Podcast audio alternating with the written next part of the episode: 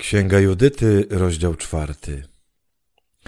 Izraelici, którzy mieszkali w Judei, usłyszeli o wszystkim, co Holofernes, naczelny wódz Nabuchodonozora, króla Asyryjczyków, uczynił poganom, jak ograbił wszystkie ich świątynie i kazał je zniszczyć. Ogarnął ich wielki strach przed nim i przerażenie ze względu na Jeruzalem i świątynię Pana ich Boga. Niedawno przecież powrócili z niewoli, cały lud Judei ledwie co się zebrał, poświęcając zbezczeszczone naczynia, ołtarz i świątynię. Rozesłali więc posłów po całym obszarze Samarii, e, Pokona, Bethoron, Belmain i Jericha, Hop i Aisor i Doliny Salem. Zajęli też wszystkie wysokie szczyty górskie, umacniając położone na nich osiedla i gromadząc żywność na wypadek wojny. A właśnie skończyły się żniwa na polach. Najwyższy kapłan Joakim, urzędujący w tym czasie w Jeruzalem, napisał do mieszkańców Betulli i Bajtomestaim, które leży naprzeciw Ezdrelonu, na równinie blisko Dotan, aby obsadzili przejścia górskie. Tamtędy bowiem przechodziło się do Judei i łatwo było odeprzeć idących w górę, bo ścieżka była wąska na co najwyżej dwóch ludzi.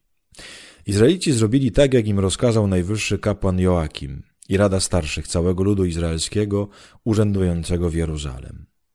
A wszyscy Izraelici bardzo żarliwie błagali Boga i korzyli się z wielką gorliwością. Oni, ich żony i dzieci, i bydło, i każdy przybysz, najemnik i niewolnik, wszyscy na biodra nałożyli wory pokutne. Izraelici, kobiety i dzieci, którzy mieszkali w Jeruzalem, upadli na twarz przed świątynią, posypali popiołem głowy i nałożyli wory pokutne przed Panem. Nawet ołtarz nakryli worem pokutnym i jednym głosem żarliwie błagali Boga Izraela, aby nie wydał ich dzieci na łup, ich żoń na pohanbienie, miast swego dziedzictwa na zniszczenie, a świątyni na zbezczeszczenie, zniewagę i pośmiewisko dla pogan. Pan słyszał ich wołanie i widział ich udrękę, a lud pościł przez wiele dni w całej Judei i w Jeruzalem przed świątynią Pana Wszechmogącego.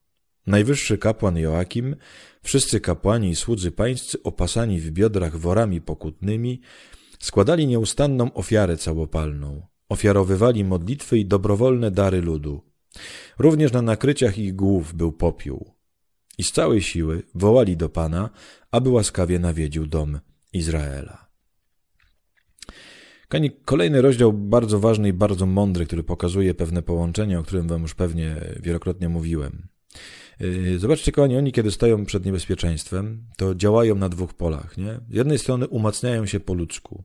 Wysyłają, umacniają wojskami wszystkie wzgórza, proszą, żeby tam pobudowali różnego rodzaju umocnienia, zbierają ludzi, zbierają wojsko i tak dalej. A jednocześnie po prostu błagają i wołają z całego serca do Pana Boga, modląc się i poszcząc. Kochani, zawsze trzeba działać jakby dwufalowo.